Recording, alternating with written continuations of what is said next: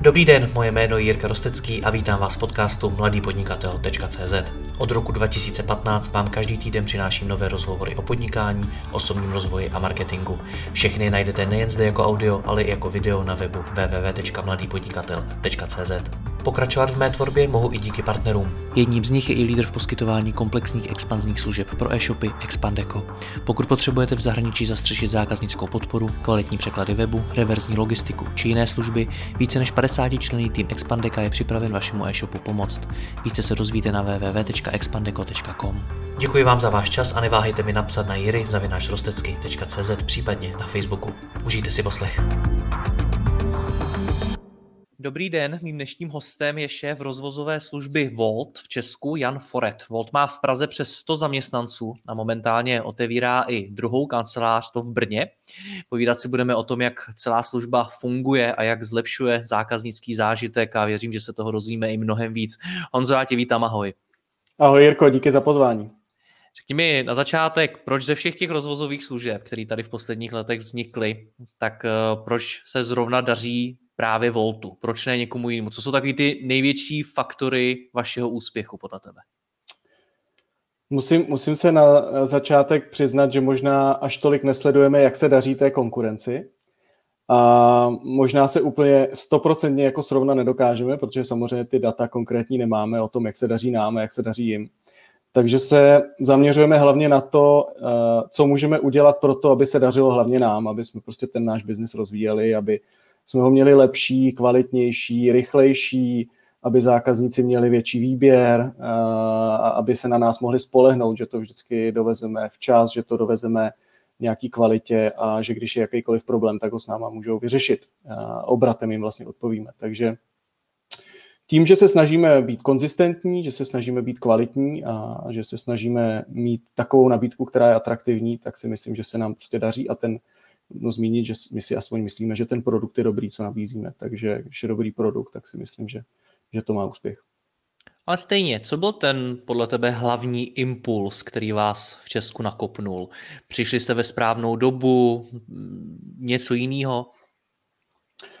Ale je to vždycky taková jako kombinace faktorů. Eh, je to, jak říkáš, o tom načasování, ale můžeš mít jako vhodný nápad, můžeš mít Eh, tým, který to, který to exekuje, můžeš mít, eh, můžeš mít peníze na to, abys to zrealizoval, ale vlastně to nejdůležitější je potom v té rovnici, jak říkáš, ten čas, jo, to načasování. Takže um, když se podíváme nejenom na rozvoz jídla nebo rozvoz čehokoliv obecně, tak my fungujeme v e-commerce prostředí a celkově e-commerce eh, několik posledních let prostě roste. Každým rokem roste, možná každým měsícem lidi si zvykají v podstatě cokoliv objednávat přes internet, nechávají si to doručit. A my se v tomhle prostředí uh, pohybujeme a z hodou okolností jsme ho začali dělat u restaurací, to znamená, že se snažíme v podstatě, když to řekneme trošku v úvozovkách, digitalizovat uh, restaurační biznis, protože jim relativně rychle umožníme ten produkt dostat na internet. Jakou roli v tom hraje to, že máte zahraniční matku? To vy nejste česká firma. Nejsme, nejsme, máme samozřejmě velký lokální tým, jak se zmínil, ale ten, ten faktor je tam obrovský naší zahraniční matky, protože ten produkt eh, se vyvíjí v zahraničí. Vám řeknu, že my jsme původem z Finska, takže naše centrála je ve Finsku a tam se samozřejmě děje veškerý product development, eh, děje se tam prostě zlepšování, vyvíjení eh, toho produktu celkově, ať už směrem k tomu zákazníkovi, to, co vlastně vidí ten zákazník na tom frontendu nebo směrem k těm restauracím, který používají, nebo k těm partnerům, už to nemusí být v dnešní době jenom restaurace, ale obecně ke všem partnerům, který přes nás prodávají svoje služby nebo své produkty, a nebo k těm kurierským partnerům, který vlastně přes nás eh, rozváží eh, ty produkty. Co vám to zatím dalo? Jak je ten největší přínos toho, že za sebou máte velkou zahraniční firmu? Je to o penězích? Tak stoprocentně samozřejmě vstoupit na nový trh a bojovat proti zavedené konkurenci je vždycky o penězích.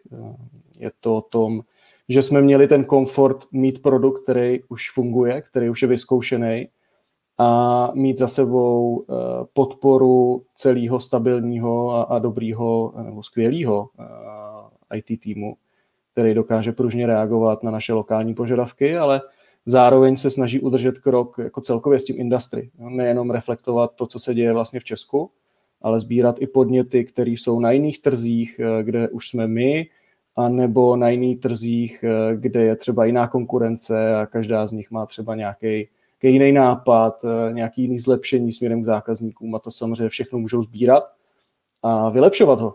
A tím pádem my z toho jako extrémně benefitujeme, protože my to nemusíme dělat tady lokálně, ale můžeme se spolehnout na, na naší centrálu, na naši matku.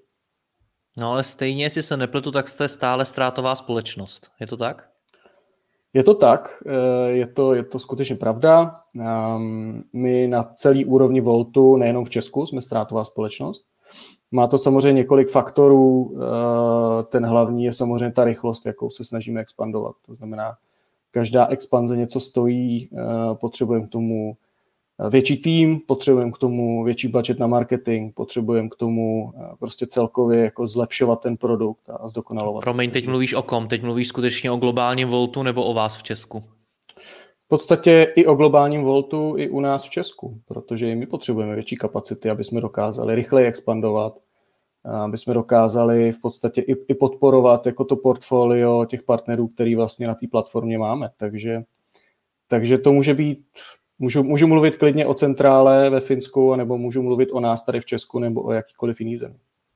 Zajímáte mě primárně vy, protože předpokládám, že i pro tu centrálu bude Česko jedním z mnoha trhů, kde působí. A vy si tedy musíte nějakým způsobem vydobít místo. Musíte dokázat, že na to skutečně máte a že do budoucna budete prosperovat a budete v zisku. Tak jak to chodí? Máte já si to neumím představit, nikdy jsem v takové situaci nebyl. Máte nějaký deadline, že prostě do tří let musíte naplnit takovýhle plán a přehoupnout to do černých čísel, nebo jak to je? Samozřejmě ty naše plány jsou jako hodně flexibilní podle toho, jaká je zrovna situace na trhu, podle toho, kde je jaká zrovna příležitost, co je naším cílem jakoby v tom jednotlivém trhu, na tom jednotlivém trhu. Každý trh může mít úplně jiný cíl. Eh, naším cílem eh, v Česku určitě není stát se co nejdřív profitabilní společností, ale v podstatě co, co nejrychleji vyrůst a snažit se to dělat i do budoucna. A v našem případě ta, ta vidina toho, že bychom někdy mohli být profitabilní, tam skutečně je, protože u nás je to v podstatě o tom, o tom mm, škálovat ten biznis, najít vlastně ten, ten vhodný bod zlomu, kdy při určitých těch nákladech, kterými my máme, dokážeme vykompenzovat tím objemem uh, biznisu uh, ty naše náklady a přehoupnout se vlastně do zisku. Takže zatím se nám to nepovedlo, ale je to něco, co může být tím cílem do, do budoucna, ale teďka to není jako úplně, úplně ta priorita, kterou bychom třeba tady za Českou měli. Já jsem se mnohokrát setkal s názorem podnikatelů, kteří budovali firmu tak, že skutečně museli být stále v nějakém provozním zisku, aby mohli růst dál a dál. A ti mi třeba řekli, hele, já si neumím představit, že buduju firmu, která je neustále ztrátová a do který leje peníze někdo nad ní, ať je to investor, ať je to právě takáhle zahraniční matka a podobně. Já bych vlastně nevěděl, jestli umím vydělávat peníze, jestli se dokážu naučit skutečně generovat ten zisk. Jak to máš ty? Protože ty vedeš firmu, která je ztrátová a evidentně to nikomu nevadí. Jo, je to, je to určitě o tom mindsetu, o tom, jestli se s tím člověk vlastně smíří, ale, ale jestli tam vlastně vidí eh, nějaký světlo na konci tunelu, jestli prostě vidí, že to někam směřuje a jestli vidí, že ten koncept může někdy fungovat tak, že bude profitabilní. A já můžu prozradit, že některé naše trhy profitabilní jsou. Například eh, Finsko už se stalo profitabilním trhem, to znamená tam, kde jsme začali už před 6 lety, nebo teď už před sedmi, protože spustili 2014, tak uh, už je to jako hodně vyspělej trh, už, je, už jsou tam prostě docela saturovaní a uh, ví, víme, že to funguje. Takže um, my bychom mohli třeba říct, porosteme pomalej a budeme se soustředit na to, že budeme profitabilní a uděláme všechno pro to, aby jsme, aby jsme profitabilní byli. Osekáme ten tým a všechno pojedeme prostě na kost. Ale jako možná bychom zůstali relativně malí a možná bychom vlastně zapadli mezi, mezi, já vlastně nechci říkat mezi co, ale určitě by se nám nepodařilo dokázat to, eh, jak jsme se rozrostli, kolik partnerů teďka obsluhujeme, v jakých městech jsme a, a že jsme vlastně i na té globální škále považovaní za ty, za ty top hráče v Evropě. Co v tobě v tom ohledu vyvolala ta pandemie covidu? Protože já věřím tomu, že samozřejmě službám jako jste vy, ona možná ve výsledku extrémně pomohla, protože lidé si třeba mnohem víc objednávali domů, protože nemohli chodit do restaurací a podobně. Na druhou stránku je to určitý připomenutí toho, že se na tom světě a v té ekonomice může stát něco, co najednou ty kart, těma kartama zamíchá, rozdá je úplně jinak a pro firmu, která právě není ekonomicky zdravá nebo prostě je ztrátová, tak to může být likvidační. Měl jsi nějaký takovýhle myšlenky, že i přesto, že vám ten covid pomohl, takže třeba příští nějaká taková rána vás opravdu může zastavit? Asi osobně jsem ty myšlenky neměl. Je nutný zdůraznit, že my jsme, my jsme jako startup financovaný z investorských peněz. Takže my za sebou máme, eh, musím zaklepat prostě naštěstí silní investory, který nás v tomto ohledu podrží a který věří tomu, eh, tomu biznisu obecně a tomu, že se dokážeme vlastně postupem času dostat do nějaké lepší situace. Um, pro nás samozřejmě asi jako pro všechny ostatní to byl docela, docela šok, co se najednou začalo dít. Uh, jak říkáš, není tajemstvím, že to nějakým způsobem akcelerovalo ten náš biznis, ale není to určitě tak, že bychom nepočítali i bez toho s nějakým růstem, s velice silným růstem. My jsme na tom trhu už skoro tři roky v Česku a každým rokem jsme rostli a v podstatě jsme rostli každým měsícem. Takže my bychom očekávali růst i bez toho, aniž by se restaurace zavřely, aniž by tady byla ta situace, jaká je. A možná by bylo o něco pomalejší, ale zároveň, zároveň samozřejmě je s tím spojená jako obrovská nejistota i do budoucna. Jak se ten trh vlastně bude chovat po tom, co to odezní, jak se ti zákazníci budou chovat, eh, jestli když se to uvolní, tak vlastně přestanou používat ty služby nebo ne. To nedokážeme úplně s jistotou odhadnout. Takže pro nás je tam nějaký velký faktor nejistoty, ale eh, tak, jak se díváme na ten biznis, eh, na ten trend, co zákazníci chtějí a jak se vlastně chovají na internetu, tak neočekáváme, že to jako bude dlouhodobě klesat. Spíš naopak očekáváme, že to pořád bude populárnější do budoucna i po tom, co se vlastně situace vrátí do normálu. Takže nepočítáte s tím, že by skutečně ten váš růst eh, se mohl třeba krátko zastavit, protože ty lidi se vrátí do těch restaurací a nebudou si to objednávat domů, nebo jakým způsobem pracujete s tou nejistotou? Um, snažíme se mít jako připravený nějaký varianty, co by se mohlo stát. A řekněme klidně na rovinu, že i počítáme s tím, že se může stát, že dojde třeba k nějakému zastavení růstu na chvilku, nebo i třeba k nějakému poklesu. Um, myslím si, že jsme to viděli i loni, když se vlastně po prvním lockdownu otevřeli restaurace, že jsme zaznamenali nějaký, nějaký třeba skokový pokles, který trval velice krátkou dobu, ale pak se to zase vrátilo na nějakou růstovou trajektorii. A ten pokles, eh, řekněme, nebyl tak dramatický, jako by, jako by jsme třeba bychom řekli, že to spadlo na polovinu. Prostě byly to třeba nějaké jednotky nebo nižší desítky procent, a pak se to třeba vrátilo zase zpátky a, a velice rychle to začalo narůstat. Takže u nás, u nás to není tak, že bychom vlastně byli nějak závislí na tom, eh, jestli, jestli jako tady budou eh, podniky zavřený, ale u nás je z okolností větší faktor to, jestli je venku hezky a, a nebo prší a lidem se nechce ven a chtějí si spíš objednávat eh, něco domů a chtějí si sednout prostě před televizi a objednat si Volt. A, tak to bohužel je. Nebo pro nás bohu dík. Já bych se chtěl ještě zastavit eh, u té finské matky. Co tě naučila? To je obrovská společnost, moderní. Co jsi si ty od ní odnesl?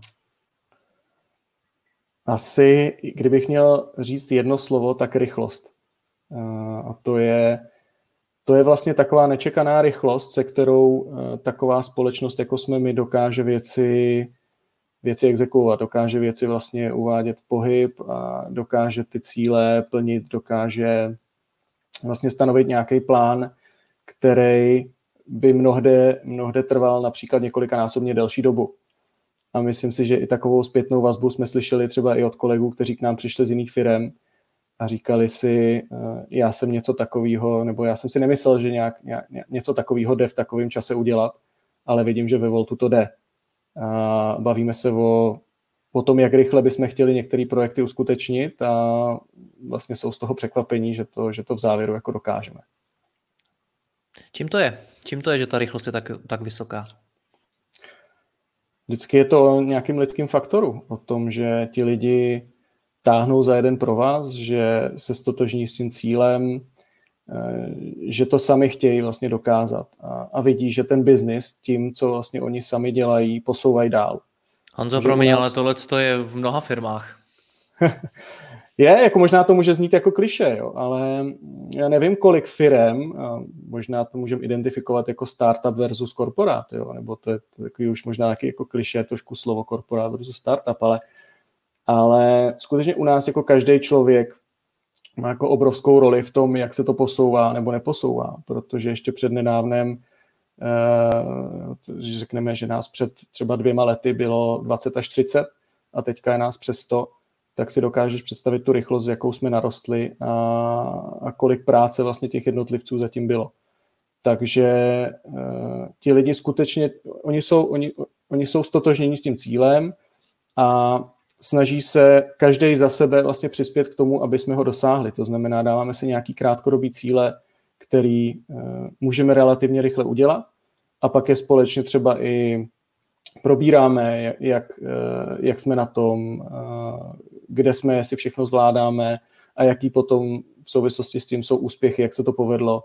A vlastně všichni z toho mají radost, no, nebo já aspoň doufám, že z toho mají radost, já jo.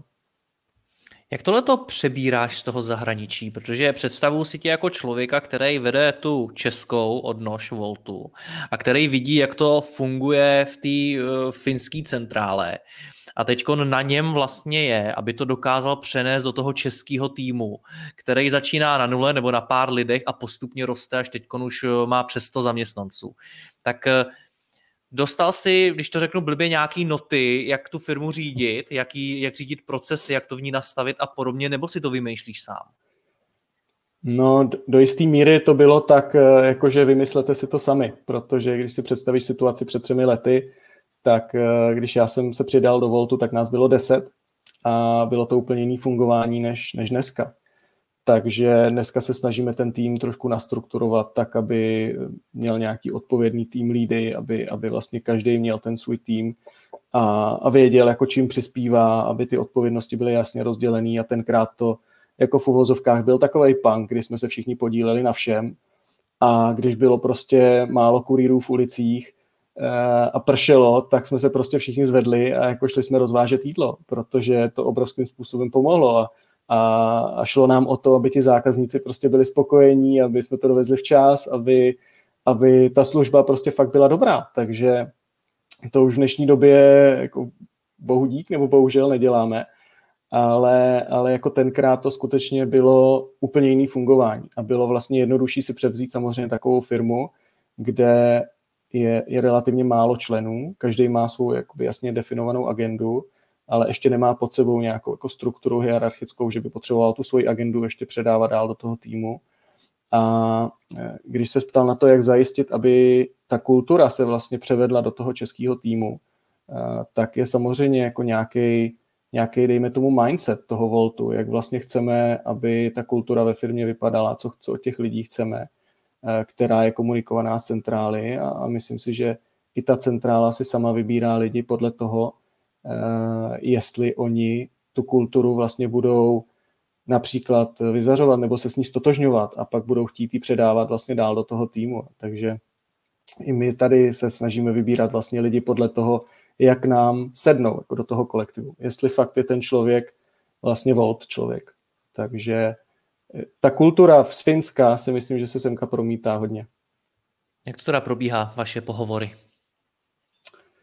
Naše pohovory probíhají více kolově a myslím si, že docela zábavně, protože většinou máme, se na tom podílí víc lidí, samozřejmě nějaký už v dnešní době, eh, my tomu říkáme talent acquisition team, to znamená prostě eh, HR oddělení, který vlastně headhuntuje lidi, který s nimi dělá nějaký úvodní screening, a pak si to přebírají tým lídové, pak si to uh, přebírají hiring manažeři a existuje v podstatě nějaký, nějaký úvodní kolo, uh, pak kolo, to, to je myslím s centrálou, teda jako bych to upřesnil, úvodní kolo s nějak, nějakým naším centrálním akvizičním týmem, pak je tam lokální kolo, pak většinou je nějaký, uh, nějaký úkol, co ten kandidát má zpracovat a nad kterým si sedneme, on nám to odprezentuje.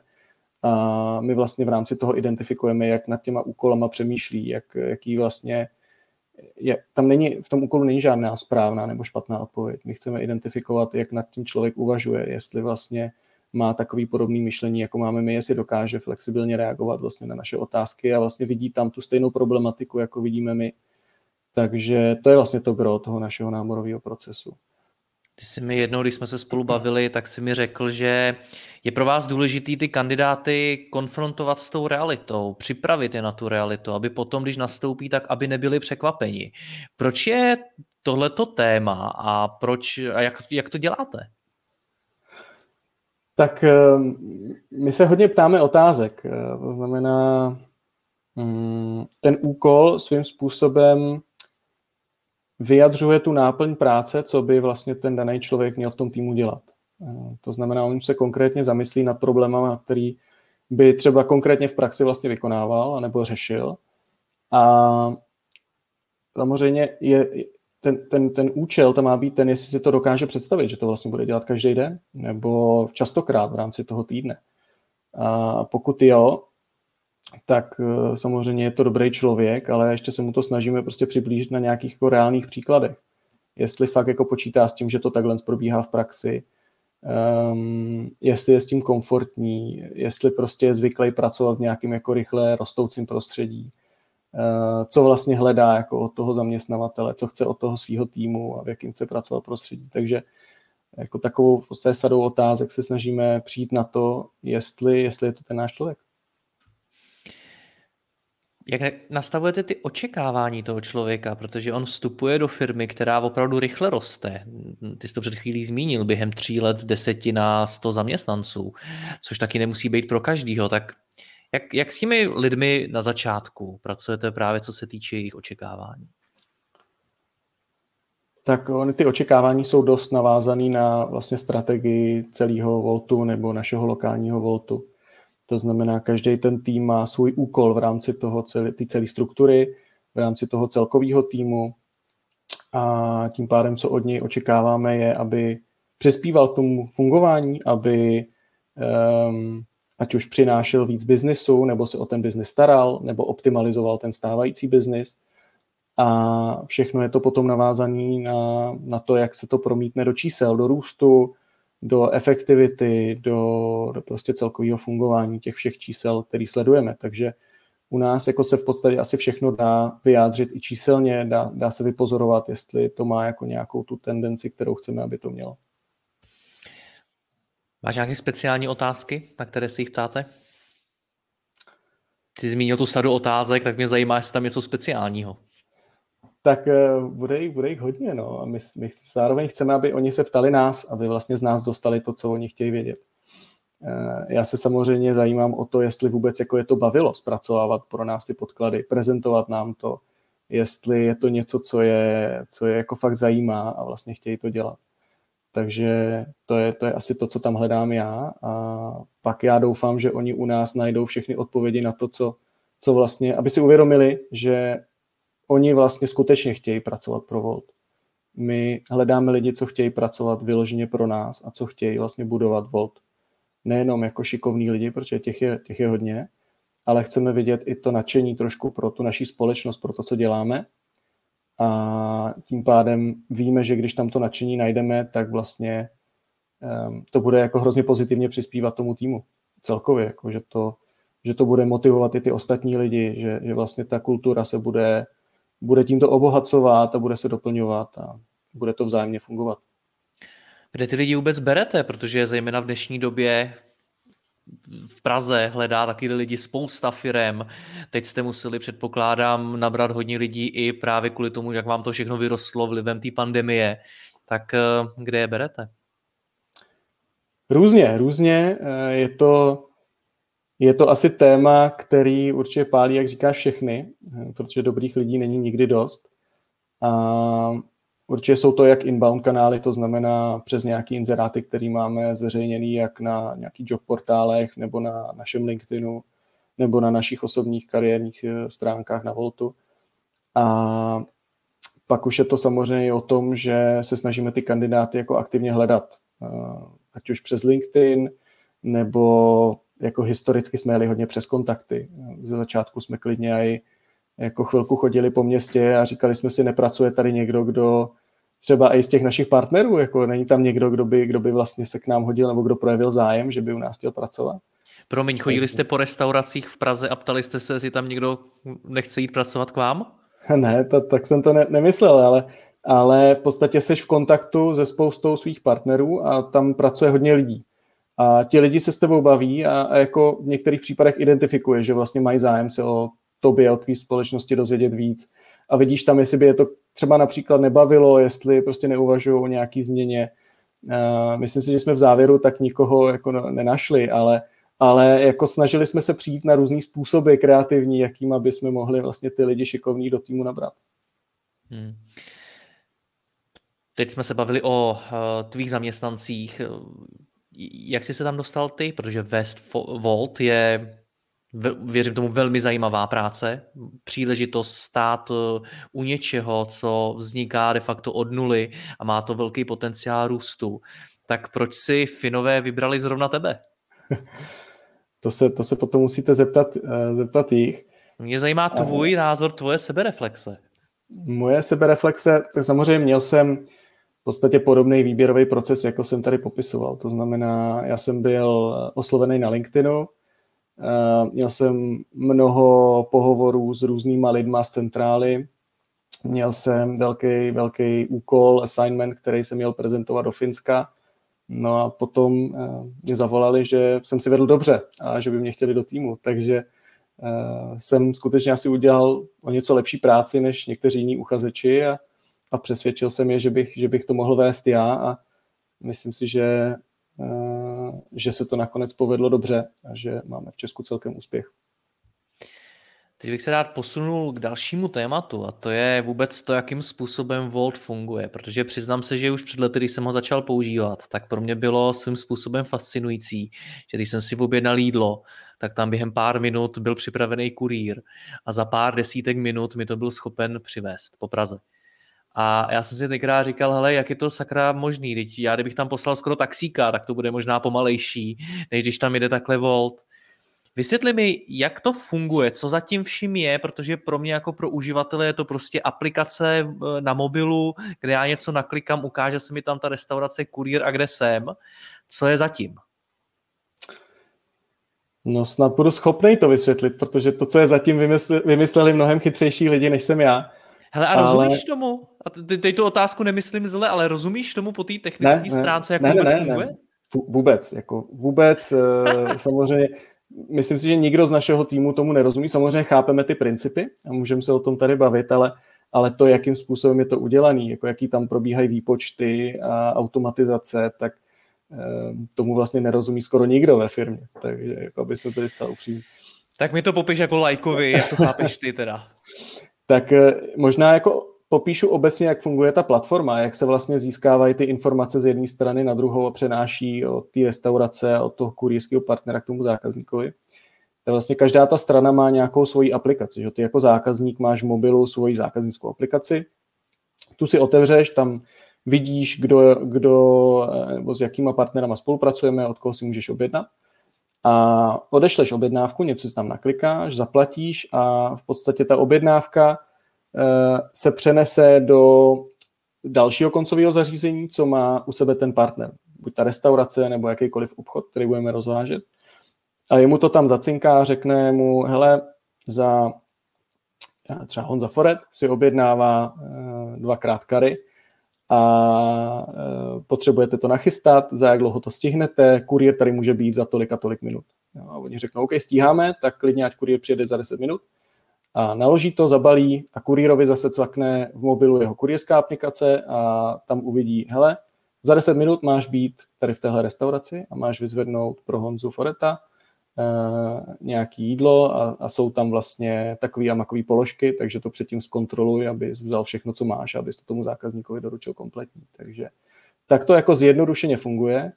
A myslím si, že ty narážel na to, jestli rozumím té jako automatické alokaci, jak vlastně v jaký moment se přidělují objednávky, jakýmu kurýrovi a proč. Přesně tak, protože jestli jsem to já dobře pochopil, tak ono se to snad každých několik vteřin celý nějak přepočítává, celá ta logistika a podle toho se teda ukazuje, co komu připadne, kdo co kam poveze a kdy. Je to tak? Funguje to tak? Je, je, to, je to tak, je to, je to v podstatě hrozně složitý matematicky. A to je přesně to, čemu si myslím nerozumí skoro nikdo u nás ve společnosti.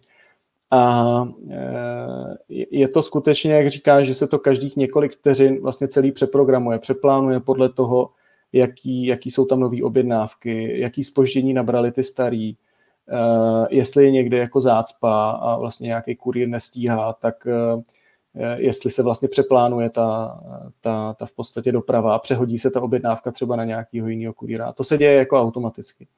Takže v podstatě ten kurýr může mít chvilku objednávku, že mu svítí, doručíš tohle a vlastně potom je, jako máš vyzvednout ještě něco jiného, ale když ten systém vypočítá, že bude lepší, že to vyzvedne někdo jiný, tak už to rovnou přehodí na někoho jiného a jemu potom zase dá nějakou jinou objednávku. Takže to se všechno děje v tom backendu a, a to se přiznám, že skutečně jako bych nedokázal popsat, jakým algoritmem se to děje. Ne, ale přiznám se, že je, je v celku fascinující, že tamhle někdo ve Finsku vymyslí takovouhle mašinu, pak ukáže na Prahu, řekne, tady jsou restaurace, tady jsou kurýři, tady jsou silnice, mezi tím je nějaká doprava, spustí to a ono to celý vypočítává. To je na jednu stránku jako úžasný. Ale samozřejmě, že ukáže na Prahu a ono to tady funguje, ale že v podstatě dokáže ukázat na jakýkoliv město, kde je v podstatě zajímavá sorta zákazníků, kde kde jsou restaurace, které by o takovou službu stály, anebo zákazníci by byli ochotní to vlastně přes internet objednávat No a tam to bude fungovat taky. Takže je to v podstatě Jasný, aplikovatelný na, na jakoukoliv škálu města. Ve Finsku dokonce rozvážíme ve městech, kde, který mají podle mě tak 15 000 obyvatel. A teď mi vysvětlit, co dělá těch vašich 100 lidí, protože tohle je všechno a všechno to funguje automaticky, je to nějaká technologie, kterou někdo vymyslel, vy do toho vlastně nezasahujete. Tak co dělá vašich 100 zaměstnanců? My to máme rozdělený na spoustu týmů, to znamená, jeden z těch hlavních týmů, jeden z největších týmů je ta, ta podpora. A já nechci říkat schválně zákaznická, protože v člověku vlastně podpora, v člověku evokuje podpora vlastně i slovo zákaznická, protože oni se dost často zabývají zákazníkama. Když má někdo nějaký problém, tak se nám ozve a my se snažíme odpovídat eh, maximálně do jedné minuty. Třeba napíšeš nám na chatu a my ti napíšeme zpátky do jedné minuty v průměru, to stíháme mnohem rychleji. Jsou, jsou týdny, kdy to stíháme třeba za 30 vteřin, eh, za 40, za 45 vteřin maximálně.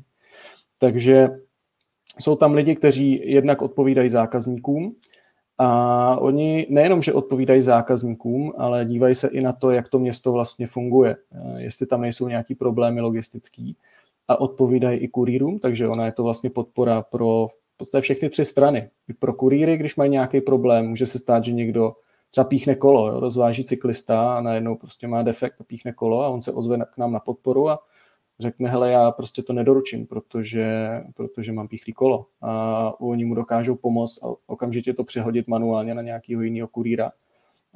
Předá to vlastně někomu jinému a, a zákazník to třeba ani nemusí poznat. A prostě přijede mu to včas, protože to manuálně dokážeme takhle přehodit. A nebo to může být podpora i pro nějaké restaurace. Samozřejmě, když zákazník kontaktuje nás, že má problém s jeho objednávkou, tak my to dost často potřebujeme vyřešit s tou restaurací. Takže oni potom kontaktují restauraci, baví se o tom, eh, co bylo špatně, eh, jak to můžeme napravit.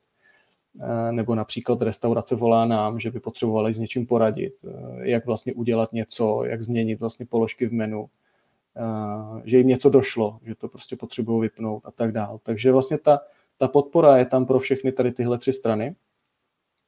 To je teda jeden tým. No další tým je, my tomu říkáme operations team, to v podstatě logistický tým, který se stará o naše kurdijské partnery. A ten se stará samozřejmě v první řadě o to, aby jsme měli dostatečný počet kurýrů, kteří budou to jídlo rozvážet, nebo co, cokoliv, co potřebujeme rozvážet, aby mohli rozvážet. A aby byli ve správný čas zapojení do té platformy, eh, aby v ten, v ten čas, kdy my máme návek, aby jsme tam měli nejvíc kurýrů, aby jsme je měli správně zaškolený, aby když vzniknou nějaký problémy, tak by jsme je dokázali rychle vyřešit a, a třeba toho kurýra přeškolit, aby vlastně věděl, jak to má dělat správně, aby ten zákazník měl ten správný zážitek, aby vlastně si řekl, jo, tak to bylo příjemný, protože ten kurýr je samozřejmě eh, tím, jako tím kontaktním bodem, tím kdo vlastně komunikuje s tím zákazníkem fyzicky. Takže snažíme, aby oni, oni taky dokázali tomu zákazníkovi předat nějaký jako pozitivní zážitek. No a pak je tam samozřejmě nějaký marketingový tým, eh, který se stará o to, aby jsme byli vidět, aby jsme přilákali na tu platformu nový zákazníky.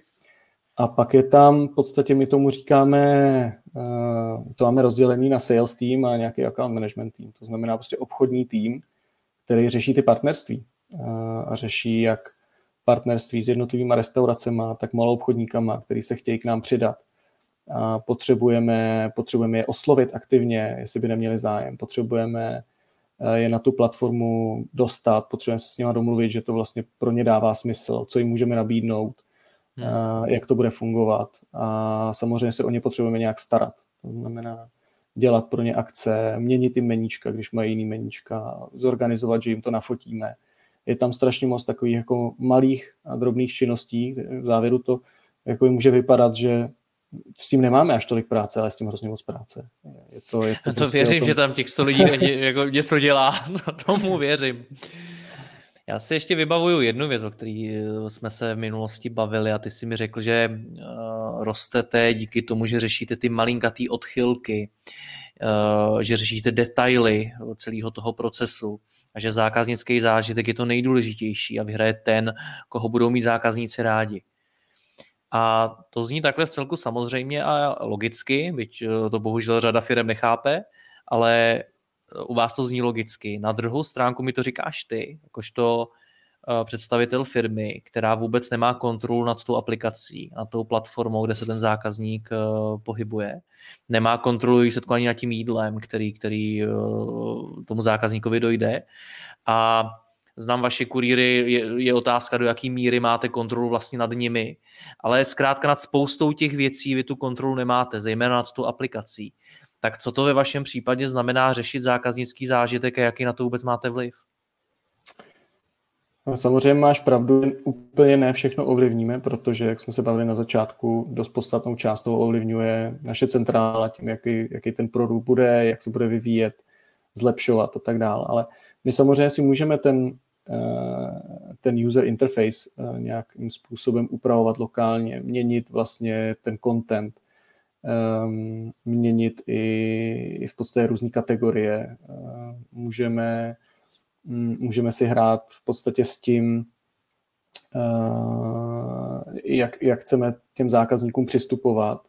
A samozřejmě můžeme se, si, si v podstatě hrát i s tím, jak ta aplikace má v budoucnu vypadat, protože ten náš produktový tým dělá úpravy podle toho, jakou dostane zpětnou vazbu z těch jednotlivých trhů. Takže uh, oni, oni nejedou jenom podle toho, co je aktuální ve Finsku a co by se jim líbilo, ale vlastně ptají se nás, co bychom tam potřebovali, jak je, jaká je zpětná vazba od těch zákazníků, po čem, po čem se ptají, co jim tam vadí, co jim tam chybí, co dělá vlastně ta konkurence, co dělá konkurence u nás oproti tomu, co dělá konkurence jinde. A my máme možnost se jim k tomu vyjádřit a dávat, dávat jim prostě zpětnou vazbu k tomu, co bychom potřebovali změnit. Jestli, jestli je to velmi urgentní a, a do kdy bychom to potřebovali a samozřejmě tímhle způsobem je to v podstatě podobný, jako kdyby jsme je měli tady a mohli jim říkat, co vlastně potřebujeme udělat. Takže že nemáme je tady v Praze, nemůžeme prostě zajít do vedlejší, do vedlejší místnosti a říct jim, hele, eh, potřebujeme změnit v aplikaci tohle a tamto a tohle backendová úprava, ale dokážeme to v podstatě na dálku vykomunikovat, aby se to stalo, pokud je to velmi důležitá věc. Co ti kurýři? Ti jsou vaši nebo jsou to taky nějací partneři? Jak to funguje? To jsou, jsou to partneři, to znamená, oni, oni nejsou zaměstnanci, ale jsou to v podstatě živnostníci, kteří pro nás fungují jako dodavatele, takže my si od nich objednáváme, objednáváme rozvoz a objednáváme si jejich služby. To znamená, my jim nějakým způsobem neurčujeme, jako kdy, jak často, jak dlouho mají pracovat. A my se snažíme jim předat v podstatě nějaký, nějaký know-how, jakým způsobem to mají dělat, tak aby to bylo kvalitní Eh, ale, ale už je potom na nich, jestli budou pracovat hodinu denně, jednou za měsíc, anebo 8 hodin denně, anebo se budou připojovat jenom o víkendu a přes týden budou dělat něco jiného, takže v tomhle mají dost velkou souvodu. Jak se v tohle tom pracuje s tím zákaznickým zážitkem? Je spousta firm kurírních třeba, který se snaží třeba školit svoje kurýry nebo pracovat s nimi prostě co nejaktivněji. A u vás to nejsou ani, ani vaši zaměstnanci. Tak jak se vedou lidé, kteří nejsou mými zaměstnanci k tomu, aby byli skutečně součástí mojí firmní kultury a byli součástí dlouhodobě? Samozřejmě ty už tady nebudeš bavit o tom, jestli budou součástí firmní kultury, ale potřebuješ, aby, aby, dodržovali, aby dodržovali ty standardy, který Vol chce přenášet na ty zákazníky. To znamená, když si to představíme na nějakým jiným B2B vztahu, tak eh, máš se svým dodavatelem nastavený nějaký SLAčka, nějaký standardy, které vlastně jsou součástí toho kontraktu. A chceš, aby, aby vlastně takhle fungovala ta spolupráce, aby byla v určitý kvalitě. Takže eh, my to tímhle způsobem dokážeme ovlivnit a, a samozřejmě i chceme vlastně, aby oni, oni jako tu spolupráci s náma měli rádi, aby to vnímali jako, jako výbornou příležitost a, a že, že vlastně jako je to baví. Takže, takže já mám na závěr ještě jedno téma, který možná bude znít tak, že jsme jim měli začít, ale co to vůbec Volt je? My tady mluvíme o jídle, o restauracích, ale vy už dneska rozvážíte toho mnohem víc. Je tam eh, velká nabídka alkoholu, je tam nabídka věcí pro domácí mazlíčky, jsou tam potraviny a tak dále. Tak co to je Volt? Volt, eh, Volt je v podstatě logistická platforma. Eh, my máme síť kurýrů, která dokáže převést cokoliv cokoliv, co se k ním vlastně vejde, ať už do toho bagu, který mají cyklisti na zádech, nebo do kufru od auta, když to rozváží někdo v autě. Takže zatím asi předpokládám, že nedokážeme například rozvážet velký kusy nábytku a, a, a nebo když si někdo objedná auto nebo koupí auto, tak mu ho nepřivezeme, ale, ale v podstatě cokoliv z těch různých drobností, ať už, jak říkal, potraviny, elektronika, kosmetika, spoustu takových dalších věcí, tak my dokážeme převést. A vlastně ta ultimátní vize nebo ta největší vize Voltu je, že nemusíme rozvážet jenom to, co jsme, na co jsme se zaměřovali doteď, to znamená jídlo, hotový jídlo z restaurací. A můžeme rozvážet vlastně cokoliv a stát se v podstatě takovým virtuálním nákupním střediskem. Myslím si, že už jsme to komunikovali několikrát, eh, jaká je vlastně ta, ta dlouhodobá vize. Eh, pokud přijdeš jako zákazník na Volt, tak dejme tomu, že my jsme začali tím vrchním patrem, kde se většinou nachází food court. Kdybys přišel do nějakého nákupního centra, tak prostě jdeš nahoru a jdeš se najíst a jsi ve food courtu. Ale když půjdeš postupně dolů a dolů, tak vlastně dojdeš eh, až jako ve spodním patře k potravinám přes eh, různý obchody s oblečením, přes různé drogérie, přes různé eh, kosmetiky a parfumérie. A všechno tady tohle my dokážeme mít na Voltu. A pokud ty si jako zákazník tu aplikaci otevřeš, tak víš, že podstatě nepotřebuješ chodit do toho nákupního centra, ale my ti všechno, co tam, co tam jako potřebuješ, dovezeme do 30 minut. Takže, Takže když budu potřebovat ponožky, tak mi je přivezete do půl hodiny. Přesně tak. A nemusíš jít s děravýma ven. To je uleva. jak, jak jste daleko od tohohle z té vize, protože tady mluvíš třeba o tom oblečení a podobně, to dneska na Voltu není. Uh, pozor, je. My, jsme, my už rozvážíme Fresh Labels například a zrovna nedávno jsme přidali Eh, takový český brand Never Enough, eh, takového lokálního oblečení. A spoustu různých takových ještě dalších doplňků tam máme. A v jiných zemích už, už jsme samozřejmě trošku dál. Ve Finsku si myslím, že máme spoustu jiných druhů oblečení a, a více značek. A je to pomalý proces. Samozřejmě potřebujeme přidat na platformu víc a víc partnerů, aby tam bylo z čeho vybírat, aby jsme postupně obsáhli ty kategorie, aby jsme Eh, měli ty kategorie, co zatím ty lidi chtějí na takové platformě objednávat, eh, co chtějí vlastně kupovat, co, jaká je ta potřeba těch lidí, co chtějí mít vlastně do 30 minut. Uh, jako jsou asi věci, co nepotřebuješ mít do 30 minut, ale ten use case pro něco jiného tam určitě může být. Ty ponožky třeba vlastně můžou být jako zajímavý use case, protože dost často najednou zjistíš, že máš všechny v prádle a, a ty ostatní jsou děraví a prostě potřebuješ jít něčem ven. Já nevím, jak mě to napadlo, to byla první, první myšlenka, chtěl se dát něco, něco takového speciálního. Ale no vlastně, dobře, hele, my... když, hm, když, když, to ještě, když to ještě dokončím, to, ono to vlastně není jako nějaká, nějaká eh, jakoby nová myšlenka. My jsme s tímhle začali už relativně eh, dávno, no dávno, jako když se bavíme v našich, v našich počtech, tak nám se to zdá dávno, ale v některých jiných zemích, například ve Finsku, už, už, už se to děje delší dobu. A zároveň i my, jak jsme spustili v Česku prvním rokem, tak eh, jsme měli vlastně spolupráci s MOL.cz hnedka na začátku před Vánocem roku 2018. Rozvážili jsme elektroniku, rozvážili jsme hračky a spoustu dalších věcí, takže vlastně my jsme tu myšlenku akorát nějakým způsobem akcelerovali. My jsme ten rozhovor začali těma penězma, tím, že jste vlastně stále ztrátová společnost, eh, stále se do vás investují další a další peníze. Teď eh, končíme tím, že eh, máte před sebou mnohem větší vizi, než to třeba může vypadat, když se zamyslím nad tím, že rozvážíte jídlo, ale ne, z jídla přeskočit na takřka cokoliv, to je obrovský skok. To znamená, že plánuješ ty vůbec s tím, že někdy v následujících letech se přehoupnete do těch eh, černých čísel, nebo Volt je firma, která bude opravdu dlouhodobě ztrátová, než obsadí ten trh v jednotlivých těch, těch segmentech. Jak to vidíš ty? Já tady asi nechci ani kreslit žádný horizont, že bych si řekl, eh, je nutný, aby jsme prostě koncem příštího roku byli, byli v zisku, jinak je všechno špatně.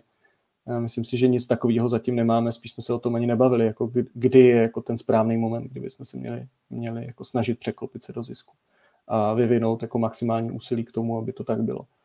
Mm, zatím vnímáme příležitost spíš v tom růstu, mm, že pořád ještě jsme neoslovili všechny partnery, pořád jsme neoslovili všechny zákazníky a, a nejsme na všech místech, kde bychom mohli být, takže se spíš budeme snažit vybudovat tohle, tu infrastrukturu, a pak můžeme pokračovat tím zbytkem.